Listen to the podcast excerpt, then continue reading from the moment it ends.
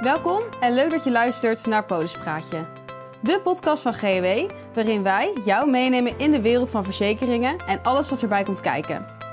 Tijdens de podcast beantwoorden wij veel voorkomende vragen en gaat GW in gesprek met haar medewerkers en klanten. Veel luisterplezier! Wie denkt aan de Nijmeegse Vierdaagse, denkt natuurlijk ook aan de Vierdaagse feesten. Bij het organiseren van zo'n groot evenement komt een hoop kijken. Ik ga het samen met Joris Bouwmeester van Stichting Vierdaagse Feesten en Martijn Ram van GHW Assurantieadviseurs over hebben. Joris, leuk dat je er bent. Fijn dat je uh, tijd kon maken, want ik heb begrepen dat uh, jullie natuurlijk nu erg druk zijn met het organiseren van het evenement. Nou, we zijn eigenlijk heel erg benieuwd. Uh, wat komt er eigenlijk allemaal kijken? Leuk om hier te zijn. Uh, we zijn inderdaad uh, hartstikke druk uh, in deze fase, zo in de voorbereidingen. Acht, negen weken voor, voor de editie van dit jaar. Um, ja, wat komt er allemaal bij kijken? Wij, wij zijn een organisatie die een verlengstuk is van de gemeente. en dat betekent eigenlijk dat wij in die week de vergunning hebben van de binnenstad. Hè? Dus het, het, de hele binnenstad is eigenlijk evenemententerrein. Um, en wij zorgen ervoor dat dat allemaal in goede banen geleid wordt. Dus we zijn verantwoordelijk voor de herinrichting van de openbare ruimte, voor de veiligheid tijdens het evenement, uh, voor de vergunningverlening, uh, ook richting alle organisatoren en uh, evenementenpleinen en parken. Um, de marketing, alles. Dus daar komt een hele hoop bij kijken. Ja, ja. ja.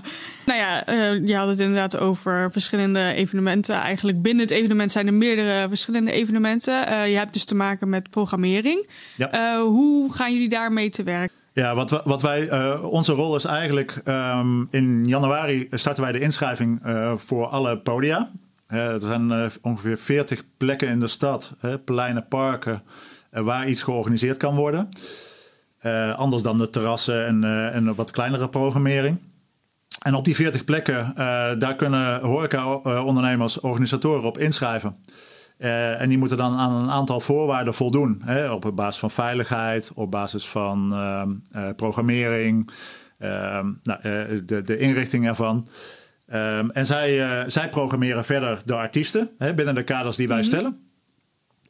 en dat betekent uiteindelijk dus 40 plekken in de stad, een week lang, uh, ongeveer duizend artiesten. Okay. Uh, die langskomen in, uh, in die week. Um, en, en we hebben in totaal te maken met ongeveer 270 organisatoren in die week. Dat is een hoop.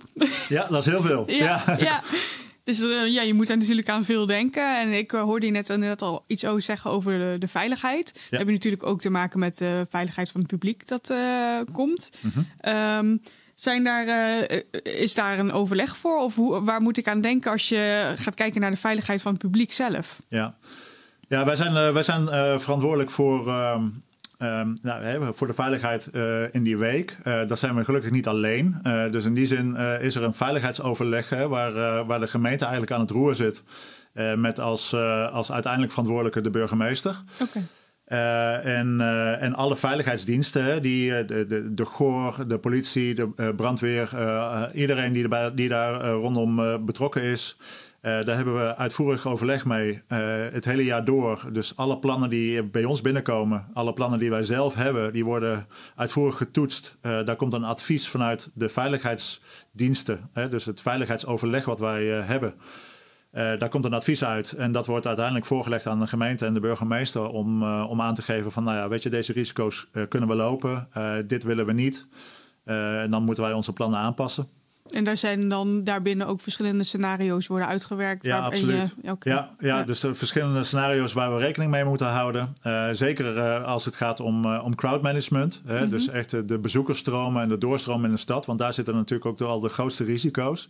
Het wordt echt ontzettend druk in de stad. Um, 2019 hadden we 1,7 miljoen bezoekers. Weet je. Um, hè, dus dat betekent ongeveer 200, uh, tussen de 200 en de 300.000 uh, bezoekers uh, per avond of per dag in de stad. Ja.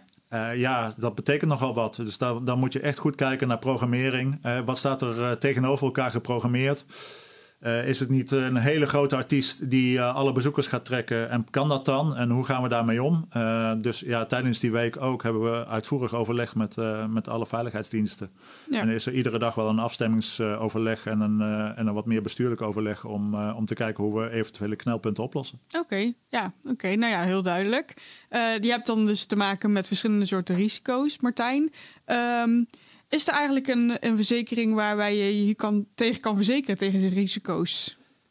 Ja, zeker. Dus uh, speciaal hier voor uh, de evenementenverzekering. En dan is dit natuurlijk wel een heel groot uh, evenement, hè, waar Stichting Vierdaagse Feesten overkoepelende organisatie is. maar natuurlijk ook voor kleinere evenementen wordt die gebruikt. En ja, wat, wat, waar moet je dan aan denken? ongevallen voor de, voor de vrijwilligers en voor de hele organisatie kunnen mee verzekerd worden. Natuurlijk is de aansprakelijkheid van belang. Hè. Wat Joris ook zegt, er wordt natuurlijk eisen gesteld aan de, hoe je de veiligheidsmaatregelen in, inzet, inregelt. En, maar er kan alsnog iets misgaan en dan ben je als organisatie al gauw de, degene die aangesproken wordt. Er kan een vrijwilliger kan ergens een kabel neerleggen waar iemand over struikelt. En dan, ja, die vrijwilliger, die, die, die weet, niemand weet wie dat dan gedaan heeft. Dus je kan als organisatie om allerlei redenen uh, aansprakelijk gesteld worden. En dat valt te verzekeren op een evenementenverzekering. Dan moet je natuurlijk ook nog denken aan het materiaal. Vaak wordt gedacht van, oh, de, de, degene die het verhuurt, die heeft het wel verzekerd. Maar dat is natuurlijk niet zo. Of tenminste, is over het algemeen niet zo. En op een evenementenverzekering kan je die, dat materiaal wat je huurt en wat je ook van andere mensen gebruikt, kan je gewoon ja, ook, ook mee verzekeren. En dan heb je natuurlijk nog het, het, feit dat het om, om bepaalde redenen niet doorgaat. Hè. Als je een hele grote artiest hebt en die artiest komt niet, kan je evenement niet doorgaan. Dat kan je mee verzekeren. En ook slecht weer. Het moet natuurlijk wel gaan om dan behoorlijk slecht weer. En waar de gemeente of de, de veiligheidsdienst ook zegt van ja, dit is gewoon een gevaar voor het publiek. En dan kan het een reden zijn, nou goed, om het af te lasten, voor kortere of langere termijn. Maar dan heb je natuurlijk wel je kosten die dan doorlopen. En dat zijn onder andere dingen die je kan verzekeren op een okay. evenementenverzekering. Ja. Ja, en, en voor ons is dat uh, heel bijzonder, hè? want als, als grootste evenement van Nederland en, en onze koepelfunctie zeg maar, tijdens de Vierdaagse feesten, hè, worden dan ook een aantal aansprakelijkheden en verantwoordelijkheden neergelegd bij degene die het uiteindelijk een, een, feestje organiseren mm -hmm. op, een, op een plein of in een park. Uh, en dan, dan heb je ook gewoon te maken met een, uh, met een soort van ketenverantwoordelijkheid. Uh, en, en mogelijkerwijs ook wel ketenaansprakelijkheid. waarbij je dus heel goed moet kijken van als er op een specifiek plein iets gebeurt, hoe is die organisator verzekerd? Dat gaat via een andere verzekering dan, dan de onze. maar als die niet uitkeert of als daar iets niet gedekt is, ja, hoe komt dat dan eventueel nog bij ons terecht? Dus dat, dat, dat luistert wel nauw. ja. Ja, ja, want dat was inderdaad de volgende vraag van ja, het is een groot, eh, groot evenement. En we hadden het er al even over. Inderdaad, je hebt te maken met verschillende ondernemers. Uh, het is een grote binnenstad. Uh, nou ja, is iedereen voor zichzelf verzekerd? Of, uh, maar dat heb je nu inderdaad. Uh... Ja, onderdelen die gaan mee in, de, in, in wat meer collectieve verzekeringen. Bijvoorbeeld ook van, van een gemeente. en dan heb ik het bij ons, in ons geval, met name ook wel over, over bijvoorbeeld de inzet van vrijwilligers. Mm -hmm. En, en voor ons, hè, de bezoekers zijn bij ons uh, uh, niet verzekerd. Hè, of, of, uh, want we gaan ervan uit dat iedere bezoeker zelf een verzekering heeft. Ja. dus met name ook voor, voor ons bestuurlijk, maar ook voor de medewerkers is aansprakelijkheid en dergelijke wel verzekerd. Ja, ja, ja. oké, oké, duidelijk. Um, Martijn, heb jij bijvoorbeeld ook nog een, een voorbeeld uh, waarbij de verzekering eigenlijk heel erg goed van pas kwam? Of dat dit juist niet goed verzekerd was en dat ze dus problemen kregen eigenlijk? Ja, ik gaf net al het voorbeeld van, van uh, kabel waar, die, die dan ergens neer is gelegd en waar iemand over struikelt. Er zijn natuurlijk hele grote bekende evenementen waar het flink mis is gegaan.